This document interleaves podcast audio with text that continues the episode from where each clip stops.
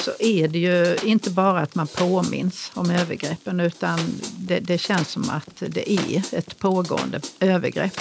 Alltså även när man är hos tandläkaren. Sex på arbetstid. Sex på arbetstid. Sex på arbetstid. En podd om SRHR för dig som jobbar inom vården.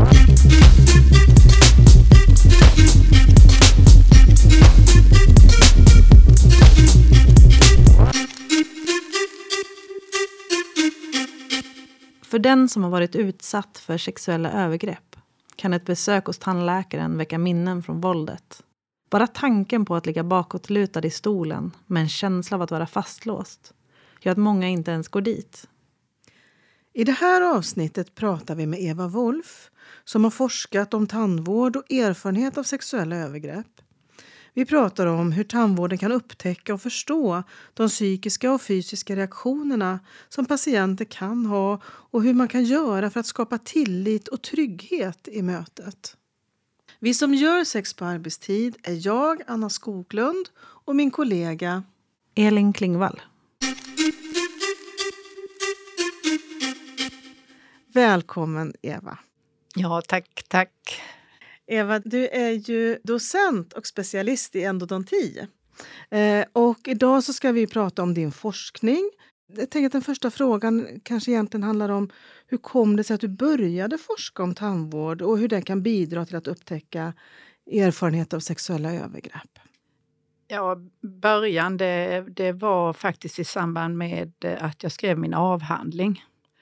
För då gjorde jag intervjuer med personer som eh, hade långvarig och svårförklarlig ansiktssmärta. Och eh, när jag intervjuade dem så framkom det att flera av dem faktiskt hade varit utsatta för övergrepp av olika slag. Inte bara sexuella övergrepp utan det, det var andra typer av våld också. Men inget av det fanns det någon notering om i daganteckningarna för de här patienterna. Och så när jag sen eh, läste på mer inför eh, skrivandet om våra resultat så, så såg jag att det var inte helt ovanligt att patienter som utsatts för övergrepp också hade just eh, svårförklarlig ansiktssmärta.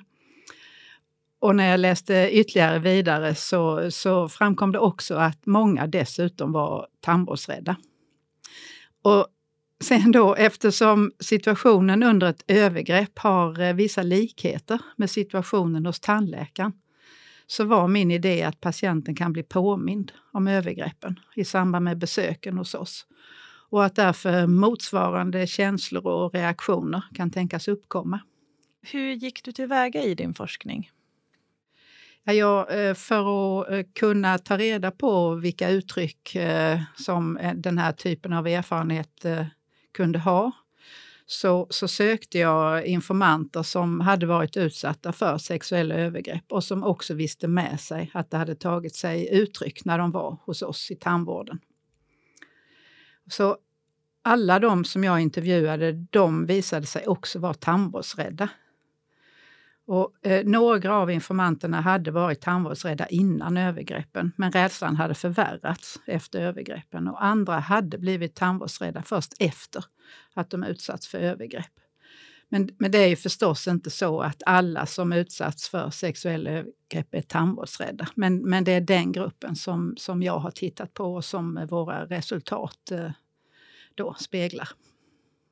Varför är tandvården just en sån viktig instans för att upptäcka sexuella övergrepp, tänker du? Ja, det är ju just det faktiskt att eh, alla kommer ju till tandvården, åtminstone sporadiskt. Många vuxna går regelbundet och, och alla barn kallas också. Men det viktiga är väl egentligen inte heller vilken instans som upptäcker det eller synliggör att övergreppen har förekommit. Det viktiga är ju att våldsutsatthet och övergrepp upptäcks eftersom det är ett, en förutsättning för att det upplevda traumat kan bearbetas. Vad som eventuellt då gör att tandvården är särskilt lämpad är, är ju att situationen då på flera sätt liknar övergreppssituationen. Man är i ett väldigt underläge hos oss. Kanske framförallt kroppsligt eftersom man ligger ner eh, och man har en salivsug kopplad och ett brickbord framdraget. Man är fastlåst. Så situationerna har likheter och, och, kan därför innebära att en person som varit utsatt kan påminnas om sina tidigare erfarenheter och att det faktiskt då kan ta sig fysiska uttryck som vi i tandvården har möjlighet att uppmärksamma och också lyfta då med patienten. Men det, eh, det visade sig här då i, i, eh, när mina informanter berättade att samma känslor och reaktioner uppkom som vid övergreppen. Hur beskrev man de här reaktionerna och känslorna? Dels så finns det ju en del synliga, tydliga tecken förstås. Men, men vad som också händer och som vi i, i gruppen valde att kalla den inre osynliga kampen som eh, de här patienterna kämpar med och som vi som tandvårdspersonal inte har så stor möjlighet att se egentligen. Men som innebär en stor påfrestning för den drabbade. Det omfattar till exempel känslor av skam och skuld, att man har sig själv att skylla för övergreppen förstås, men också då inte minst eh, för sin egen dåliga munhälsa, vilket är vanligt och som också påverkar självkänslan. Till exempel så, eller för att ge ett exempel på det så eh, var det en informant som, som berättade om hur det kunde kännas eh, vid en helt vanlig undersökning. Där eh, jag som tandläkare då för tandsköterskan berättar vilka tänder som finns, vilka fyllningar som finns och om det finns eh, karies eller någon tandköttsficka. Så den här helt rutinmässiga situationen kan skapa väldigt obehag. Och hon sa så här. Den här självkänslan, den kom tillbaks. Den osäkerheten på sig själv. Det var där jag kände igen mycket av övergreppen. Att jag inte är värd någonting. Jag är äcklig. Jag är värdelös. Mina tänder blev jag. Liksom att hela jag blev äcklig. Att det definierar att jag är en äcklig person. Eh, men, eh, ja, och vad man också har utvecklat eh, ofta, det är ett stort kontrollbehov. För övergreppen innebär ju ett eh, överskridande av gränser och det är väldigt svårt och, och en kontrollförlust kan då uppfattas som helt förödande. Finns det några, några fysiska eh, tecken som jag tänker som man som tandvårdspersonal i, det, i de här situationerna skulle kunna upptäcka. Jag tänker det är jättestarka inre, en stark inre kamp för, för den som ligger i tandläkarstolen. Och vi, vi, vad, vad, kan vi som finns runt omkring upptäcka? Ja, det gör det ju också. Eh, eh, ganska många. Till exempel så eh, är det inte så ovanligt att man krampar. Man gråter. Man ryggar för beröring till exempel, vilket eh, en informant uttryckte ganska tydligt. Hon sa, eh, jag känner verkligen bara, ta bort dina händer, jag gillar inte. Och det är något också som tandläkare måste, måste göra såklart. Men jag verkligen ogillar det intensivt. Och det har också fått mig att känna mig sjuk. Så det kan ju vara ett problem eh, om, om det är svårt med beröring. För som tandläkare eller tandhygienist så är man ju väldigt nära. Man svettas, man skakar, man får kvällningar. Och eh, det, eh, man, är ju, man har ju sina instrument inne i munnen och det blir ofta mycket vatten och saliv som rinner till så att det, det kan vara väldigt svårt. Eh, vad man också kan upptäcka det är ju det att de eh, ofta behöver skölja ofta, vill resa sig upp och skölja eh, eh ofta. Och också ett annat tydligt tecken är ju att de blir sittande upprätt när man eh, fäller stolen. Vill inte följa med bakåt. Det, det är ett bra tecken att uppmärksamma. Man stelnar till, man slutar andas, blir aggressiv eller till och med våldsam. En, en, en man som eh, hade blivit utsatt som litet barn. Han, han sa, när, när tandläkaren drog i kinden, då blev jag arg och tänkte, nej, inte en gång till ska jag sitta still. Det var då jag slog till honom. Ren reflex. Gjorde inte det med förövaren, för då var jag så liten. Jag lovade mig själv att ingen annan skulle få göra någonting mot mig igen. Så tandläkaren fick för det jag inte kunde göra när jag var liten. Skiljer sig de här fysiska reaktionerna från annan eh, tandvårdsskräck eller tandvårdsrädsla? Det vet jag egentligen inte, men det har jag nog svårt att tro faktiskt. Just de här tecknen. Det, det, det skulle jag inte tro att det gör, utan det är ju, eh, det är ju de här eh, tecken på rädsla. Vad finns det mer för tecken som vi behöver vara uppmärksamma på? Det är en, ett tecken som eh, jag tycker är intressant. Det är eh, vad man skulle kunna kalla för flykt. För, eh, för eh, bland de här patienterna som utsatts för eh, sexuella övergrepp och som också är tandvårdsrädda så är det väldigt vanligt med uteblivanden. Upprepade uteblivande och upprepade sena återbud.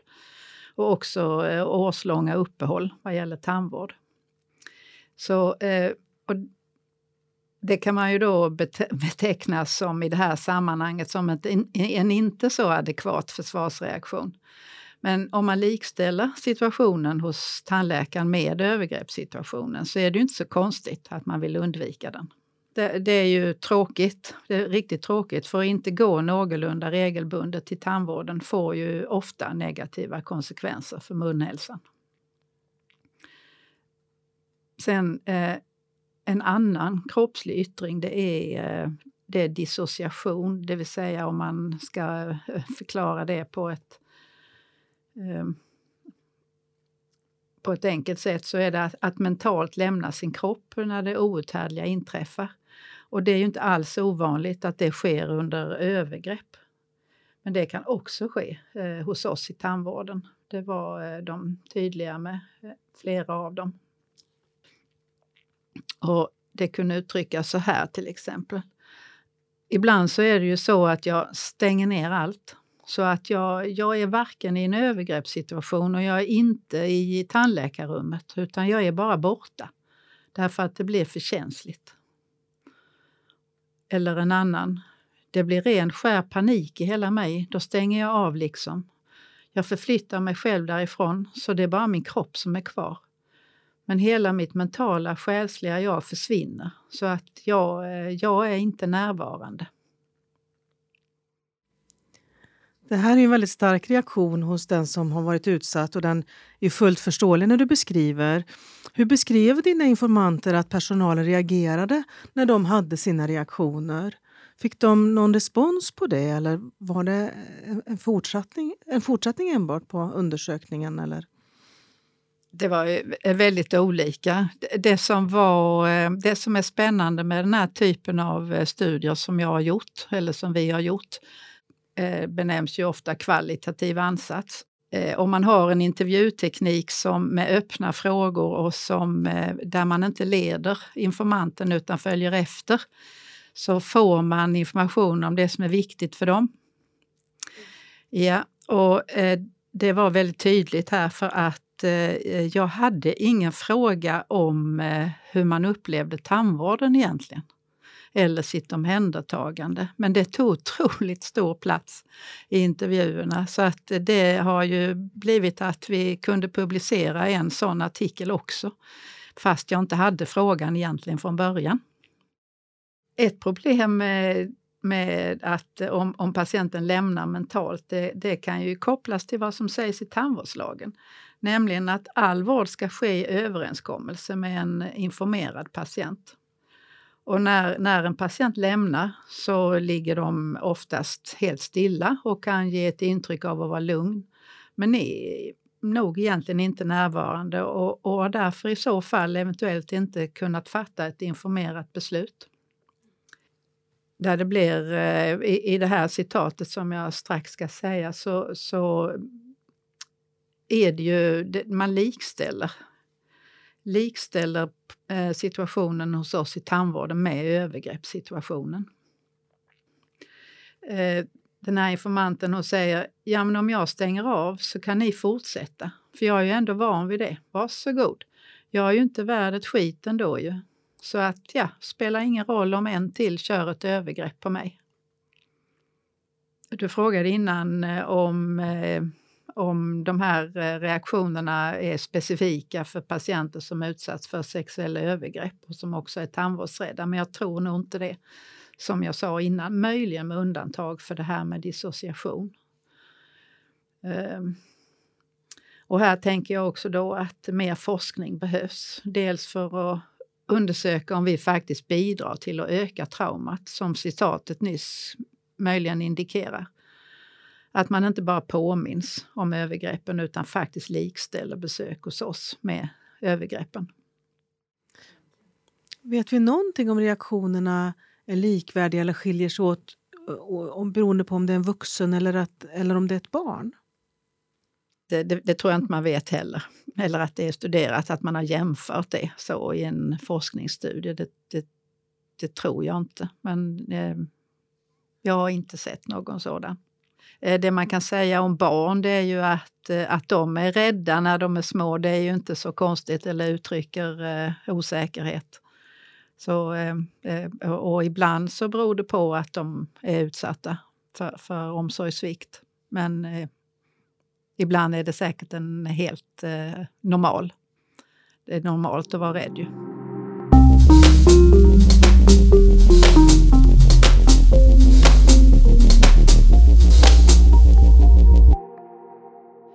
Tänker vi ska prata lite då om, eh, om rollen som, eh, som personal. Vad ska, man, vad ska man göra då om man, om man misstänker att en person har varit utsatt för sexuella övergrepp? Eh, ja, om, om, om man misstänker att ett barn är utsatt så är det ju att göra en orosanmälan till socialtjänsten. Men sen om det gäller vuxna så, så då är det ju i så fall att ställa frågor om våldsutsatthet och uppmuntra till polisanmälan. Och, och det man har sett i studier är ju då att det, det, blir en förbättrad hälsa om, om man ställer frågor och patienten får adekvat vård. Så remittera förstås för eh, adekvat bearbetning. Och, och tillhanda telefonnummer dit man kan ringa för att chatta och, och få stöd. Till exempel Nationellt centrum för kvinnofrid eller Vonsa eller Brå eller Novahuset i Linköping. Vi vet ju att många som jobbar inom hälso och sjukvården eh, tycker att det är svårt att ställa frågor eh, om sexuell hälsa generellt men kanske specifikt om erfarenheter av sexuella trauman. Eh, så hur börjar man? Vad, vad kan vara en första bra fråga? Hur man ställer frågor på ett bra sätt? Ja, viktiga förutsättningar för att en verksamhet ska kunna göra det, det är att eh, verksamheten har en rutin för hur det ska gå till och att personalen har utbildning. Dels om eh, vad en våldsutsatthet kan få för konsekvenser, eh, men också då hur man frågar. Och det är, det är precis det som Socialstyrelsen föreskriver. Och det är också enligt eh, Världshälsoorganisationen så är det viktigt att frågan ställs i enrum. Att det är en trygg miljö och att personalen kan inge förtroende. Det, det, det kan nog tyckas att eh, det är inte vår uppgift. Men tandvården har ju onekligen den fördelen som jag sa innan, att alla faktiskt kommer till oss. Så, så på det viset är det ju helt relevant Eh, och, och, att göra som Socialstyrelsen föreskriver, att, att vi ställer frågor om våld. Och, och man kan ju fråga sig om, om man eh, ska göra det alltid eller eh, på rutin eller, eller bara på indikation. Och det är ju något som diskuteras och det kan säkert vara väldigt olika. Det är för och nackdelar med båda delarna skulle jag säga. Det finns en, kanske en viss risk att det blir så kallat eh, instrumentellt. Och det är Hur viktigt, menar du då? Eh, ja, att, att det kommer eh, eh, i en... Eh, om man har en blankett med anamnes, anamnestiska frågor man ska ställa, att eh, det finns med där ibland frågor om rökning och läkemedel. Och att å andra sidan så att frågan ställs är ju ändå en hjälp eftersom man på det viset eh, visar att, eh, att utöva våld, det är faktiskt brottsligt. Så, så på det viset så lyfter man ju det i alla fall. Men eh, i, på indikation, det vill säga när man har eh, sett fysiska eller psykiska tecken på eh, till exempel tecken som jag har nämnt tidigare här då, att, eh, att man lyfter det med eh, sin patient, att, att man har sett detta och att eh, det ibland hör ihop med att man har varit utsatt för övergrepp så, så kan det vara, kanske vara ett sätt att eh, nå fram lättare till patienten. Annars så eh, Socialstyrelsen har ju i sina, i, i i sina skrifter, i en av sina skrifter exempel på direkta frågor som man kan ställa.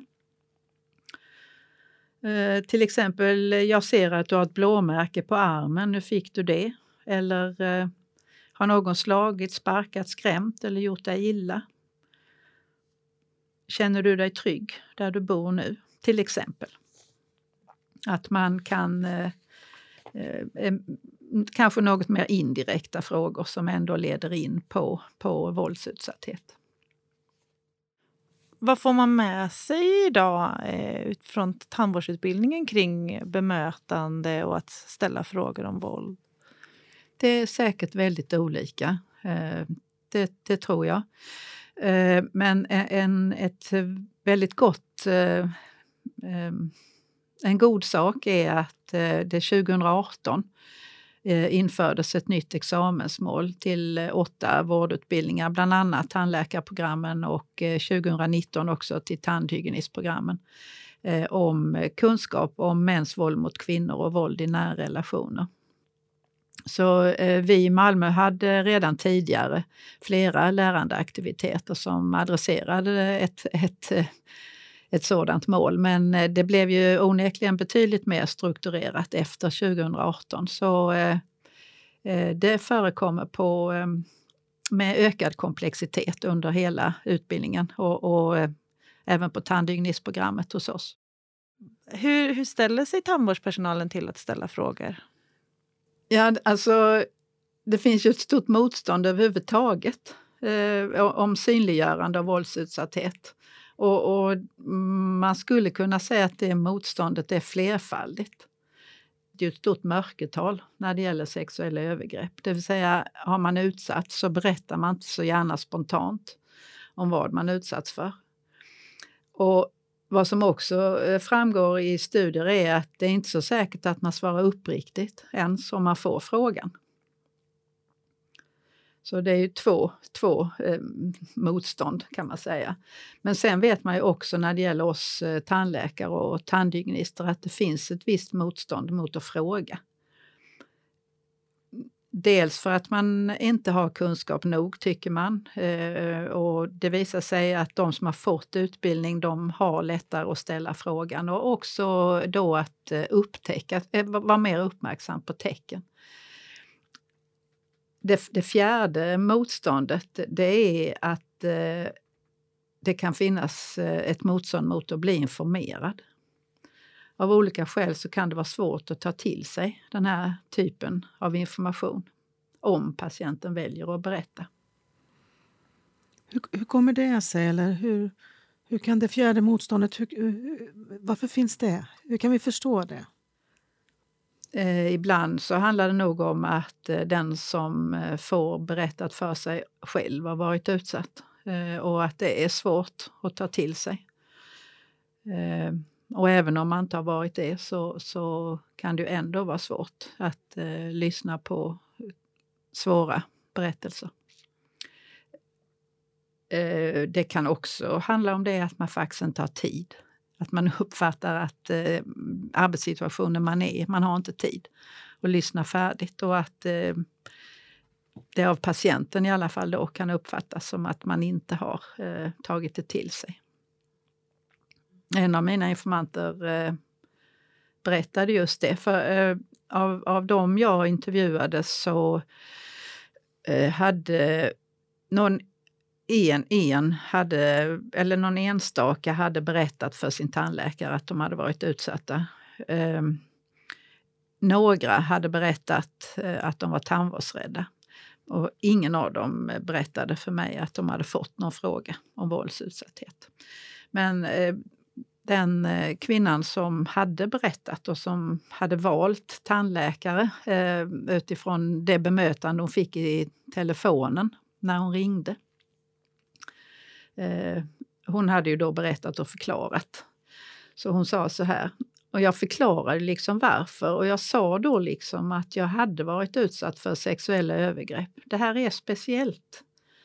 Men hon, tandläkaren, nämnde ju ingenting. Alltså hon kunde liksom mött mig där och säga ja, jag hörde att det är tufft och det är okej, okay. vi behöver inte ta det idag. Men ingenting. Alltså det var liksom totalt kallt så här. Så det omgärdas en, en, en tystnad kring de här frågorna. Eh, vad tror du behöver göras för att minska på det här motståndet? Är det utbildning eller finns det något annat? Ja, utbildning är säkert eh, helt nödvändigt eh, eh för det första. Men, men eh, ehm, eh, det, det, behöver ju finnas rutiner också. Det gör det och man behöver diskutera det på, eh, på klinikerna där man arbetar. Det tror jag. Och, och just det här med att ha tid för det. Att, eh, och, och reflektionen och diskussionen eh, kollegor emellan. Också kanske handledning också. Eh, eh, av någon, eh, alltså, eh, någon professionell person som kan hjälpa en att bearbeta det man har hört. Och, och ja. Så eh, rutinerna eh, kan ju omfatta många olika saker, tänker jag. De, mm. Men, men eh, absolut eh, att eh, det finns tid att diskutera med kollegor och också att det blir en uppföljning av utbildning. För Det låter som det du beskriver att det skulle bara finnas vinster med ifall det fanns rutiner och man visste vart man skulle kunna hänvisa både för individen det gäller men också som personal. Att det faktiskt också blir lättare att kunna göra sitt arbete utan att någon uteblir eller får reaktioner som försvårar undersökning exempelvis. Ja, eh, tandvården idag styrs ju väldigt mycket av eh, att det är åtgärder som utförs och att man kan ta betalt för de här åtgärderna. Ehm, och, och ehm, ekonomiska incitamenten är starka. Eh, så, så på, och en tandvårdsrädd eh, person är ju den behandlingen av en tandvårdsrädd person tar ju eh, ofta mycket längre tid. Men så, så på kort sikt kan man inte säga att en sån behandling är lönsam. Men, men om man räknar med en förbättrad munhälsa som, som något som är lönsamt, så eh, om man tänker i de termerna, så, så på lång sikt, att eh, om munhälsan kan förbättras av att vi faktiskt synliggör och eh, eh lär oss av eh, hur en person som, som har varit utsatt för övergrepp och som är väldigt tandvårdsrädd kan behandlas. I tandvården också så kan vi ju förhoppningsvis bidra till en bättre munhälsa också, vilket ju borde vara eh, samhällsekonomiskt bra. Det är ju inte helt ovanligt att eh, en patient känner att nej, men jag kan inte svara upp på den frågan jag får eller om någon vårdgivare säger jag kanske inte känner den där tryggheten ännu. Hur gör man då som vårdgivare om man ändå liksom, man ställer en fråga, man anar att man inte får det svaret man tänker att man borde få? Nej, ja, där är det ju eh, känslor av eh, skam och skuld är ju till exempel vanliga skäl för att inte berätta spontant eller eh, också svara uppriktigt. Men det kan också vara rädsla för att misshandeln och övergreppen ska öka om förövaren får reda på att man har berättat. Eller eh, att man inte tror att, eh, att man ska bli trodd. Eller till exempel att polisen, man tror inte polisen kan göra något. Men här tycker jag eh, det, det kan ändå vara som på, på sin plats och, och eh, poängtera betydelsen för mig som behandlare att ta vara på kroppsuttryck. Detta eftersom det faktiskt ibland inte finns ord för vad man utsatts för. För till exempel om man utsatts som barn innan man har ett språk för sexualitet eller våld. Eller eh, om, man inte, om man är så liten, var så liten så att man inte hade ett språk överhuvudtaget, då kan man ju inte berätta. Man har inga ord för det. Och det kan också vara så att språk saknas om man dissocierat under ett övergrepp och då inte varit mentalt närvarande. Då har man inte heller nödvändigtvis ett språk, ett verbalt språk. Så kroppens uttryck kan faktiskt vara ibland det enda uttryckssättet som finns när man inte har möjlighet att sätta ord på det. Kroppen minns och kroppen uttrycker sånt som man inte kan eller förmår eller vill säga med ord. Så, så därför är det jätteviktigt att fånga upp kroppsliga signaler och ställa frågor. Vad behöver man vara medveten om inom tandvården, alltså kopplat till tillit hos de här patienterna? Ja, det här eh, överskridandet av gränser som man utsatts för under övergreppen, de, det innebär eh, ofta att personen eh, sen har svårt att känna tillit och utveckla det. Och Eh, generellt sett så kan man väl säga att vi i tandvården, tandläkare och tandhygienister och tandsköterskor har något slags eh, inbyggt förtroendekapital i, i kraft av vår legitimation och examen. För man kan ju som tandläkare inte annat än känna sig väldigt ödmjuk inför det faktum att patienter i allmänhet helt frivilligt lägger sig i vår behandlingsstol och frivilligt öppnar upp munnen som ju faktiskt är en av de mest privata delarna av ens kropp. Så generellt sett så har vi nog ett inbyggt förtroendekapital.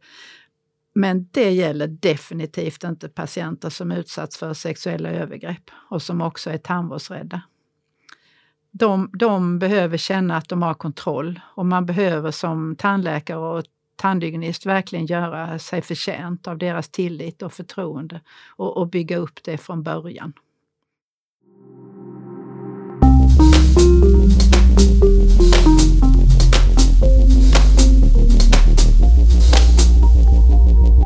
Vad blir viktigt att tänka på i bemötandet för att just skapa den här trygga situationen och, och skapa ett förtroende?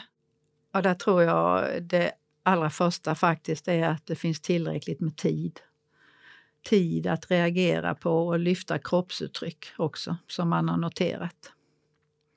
Eh, en informant hon eh, sa ändå kanske de borde se på en annan människa att, eh, att det här är nog inte riktigt som det ska kanske. Jag tyckte faktiskt ärligt talat att jag har visat det ganska tydligt ändå. Det, det tror jag faktiskt att ehm, eh, mina kollegor håller med mig om, att man, man märker eh, ganska fort om, om en patient är eh, tandvårdsrädd eller inte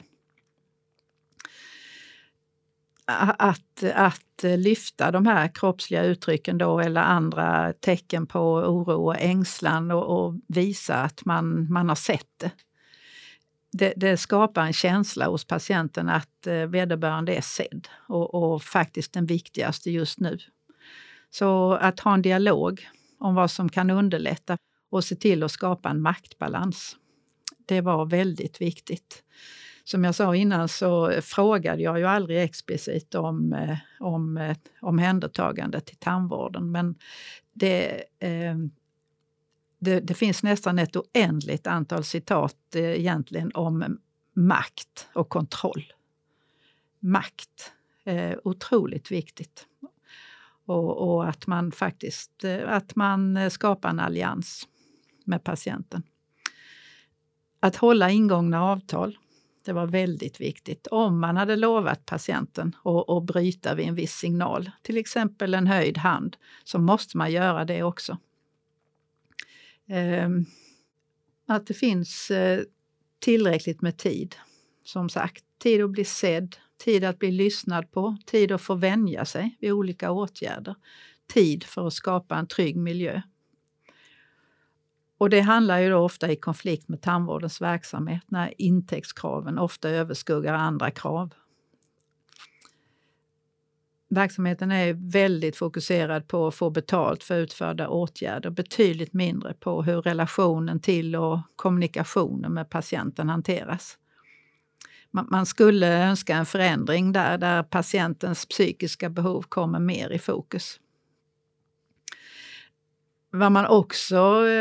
Eh, det här med kontroll eh, handlar ju också om förutsägbarhet. Och, eh, och det handlar ju egentligen om så enkla saker som att veta vem man ska behandlas av.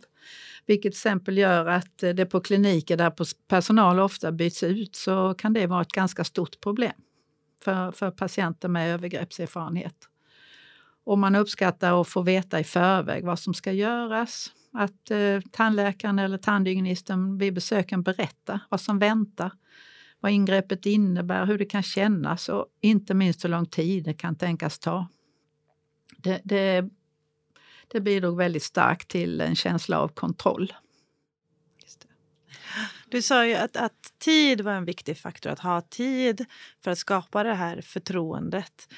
Om man vet sen tidigare att en patient är eh, tandvårdsrädd till exempel, kan man då ge lite mer utrymme för den patienten tidsmässigt eller hur ser det ut?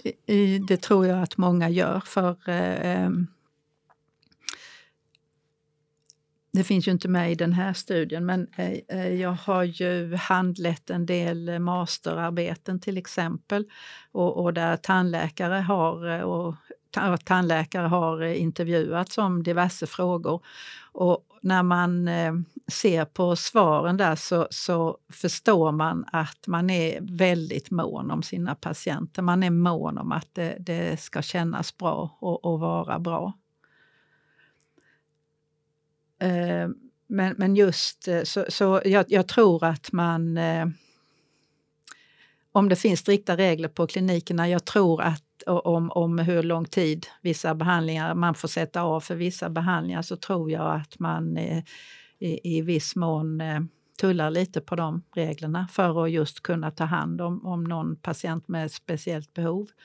Men i, i det sammanhanget så blir det ju väldigt eh, viktigt här att, eh, att, att det finns rutiner enligt Socialstyrelsen och att eh, det är förankrat hos, även hos ledningen för då, då kan det ju underlätta och minska stressen hos eh, tandläkare som, som vill och också kan eh, ta hand om patienterna på ett bra sätt men som känner sig eh, pressade av de ekonomiska kraven.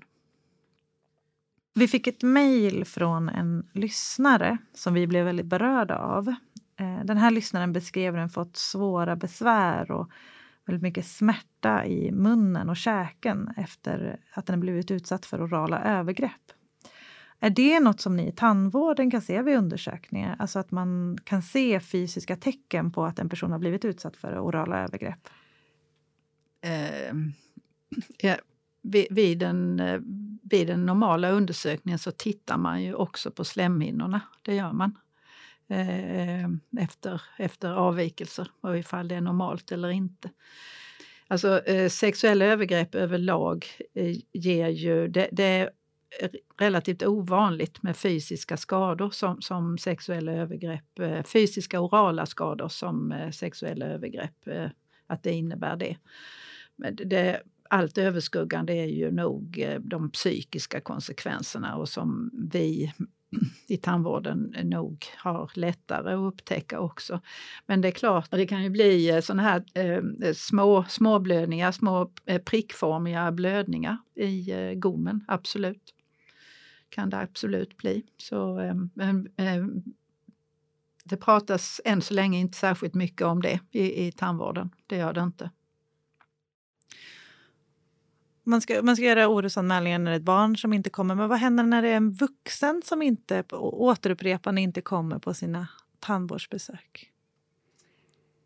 Det tycker jag eh, var bra att du lyfte, för det är ju ett av de här subtila tecknen eh, som vi kan se. Och, och, och jag, för jag nämnde ju det innan att eh, om man är väldigt tandvårdsrädd så är det inte alldeles ovanligt med upprepade sena återbud och uteblivanden. Och att eh, eh, så som det är idag så eh, så, så eh, lägger man ju hela det ansvaret på eh, på patienten att höra av sig. Eh, och, och det, det, det, tänker jag att man kunde behöva diskutera ibland hur man ska förhålla sig eh, eh gentemot de patienterna. För, för det kan ju ligga det här bakom. De, flera av dem jag intervjuade, de, när de fick eh, kallelsen från tandläkaren, de blev fysiskt sjuka. Det är så hemskt. Det, ett citat eh, handlar om att, att komma till tandläkaren är som att eh, gå till sin egen avrättning. Så det är ju inte konstigt att man eh, undviker det. Och kan man då eh, nå fram till de här patienterna på något vis och, och, och eh, ha en dialog, få den här alliansen och, och skapa eh, en maktbalans så är det ju kan man ju öka förutsättningarna i alla fall för att nå fram till dem också.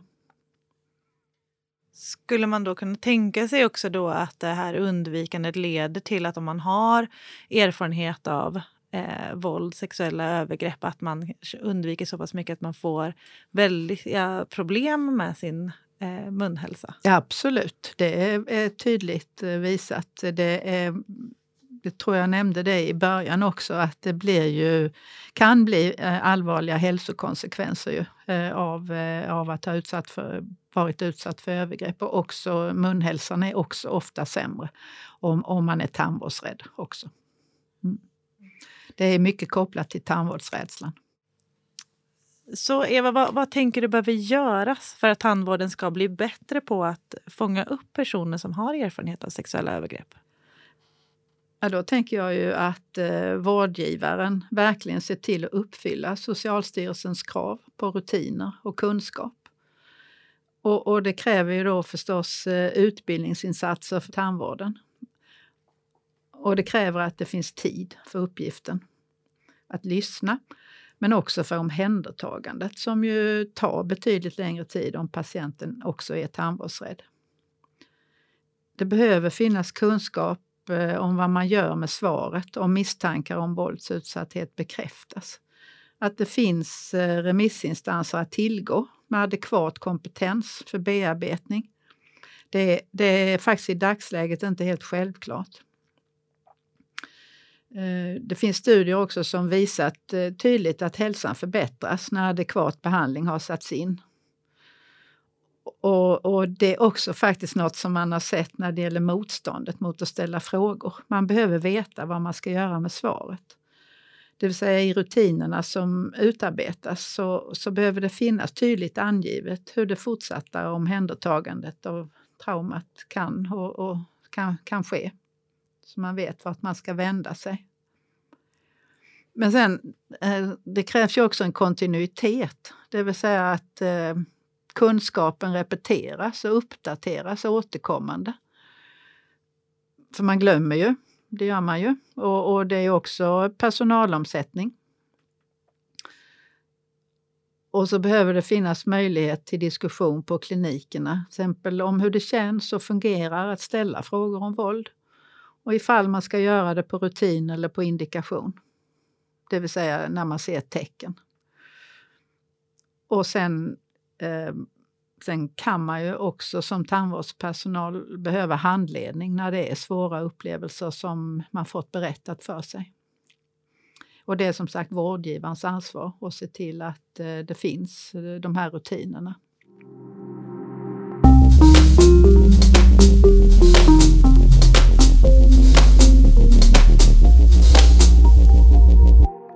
Tusen tack Eva Wolf för att du har varit med oss idag i Sex på arbetstid och berättat om varför tandvården är en så viktig instans för att fånga upp erfarenheter av sexuella övergrepp. Innan vi avslutar så skulle vi gärna vilja veta vilka tre tips som du har med dig. Ja, då tänker jag eh, att man på sina respektive kliniker tar upp eh, frågorna på APT eller arbetsplatsträffar och också att man påbörjar arbetet med kunskapsutveckling och omhändertagande av våldsutsatta. Att man diskuterar det och följer upp det ifall man inte redan gjort det och har välfungerande rutiner. Och, och att man som tandläkare eller tandhygienist reflekterar över sin maktposition och det ansvar det för med sig. För Eh, som tandläkare eller tandhygienist så är man ju i en eh, maktposition och därmed också den som kan se till att makten fördelas. Att patienten kommer till tals och att man skapar en allians. Så man behöver reflektera, tycker jag, över sitt eget eventuella motstånd mot att ställa frågor om våldsutsatthet och, och också ta ett tillfället i akt och diskutera det på kliniken. Eh, eh, ett ytterligare tips är att i patientmötet eh, verkligen lyfta de kroppsliga signaler som man upptäcker och, och som signalerar oro eller rädsla och som eh, vi nämnt här innan. Och det är då för att öka förutsättningarna att leva upp till tandvårdslagens krav som, som ju gäller god, villkor, god vård på lika villkor och att vården blir patientcentrerad. För man skulle ju kunna säga att det är en hälsoekonomisk paradox när personal i ja, både sjukvård och tandvård i sitt kliniska arbete inte skaffar all adekvat information eller nödvändig information om patienten och kopplar samman den här med sin egen kunskap och utnyttjar det i omhändertagandet. Vården riskerar att bli både ineffektiv och kontraproduktiv. Tusen tack Eva för att du var med här idag.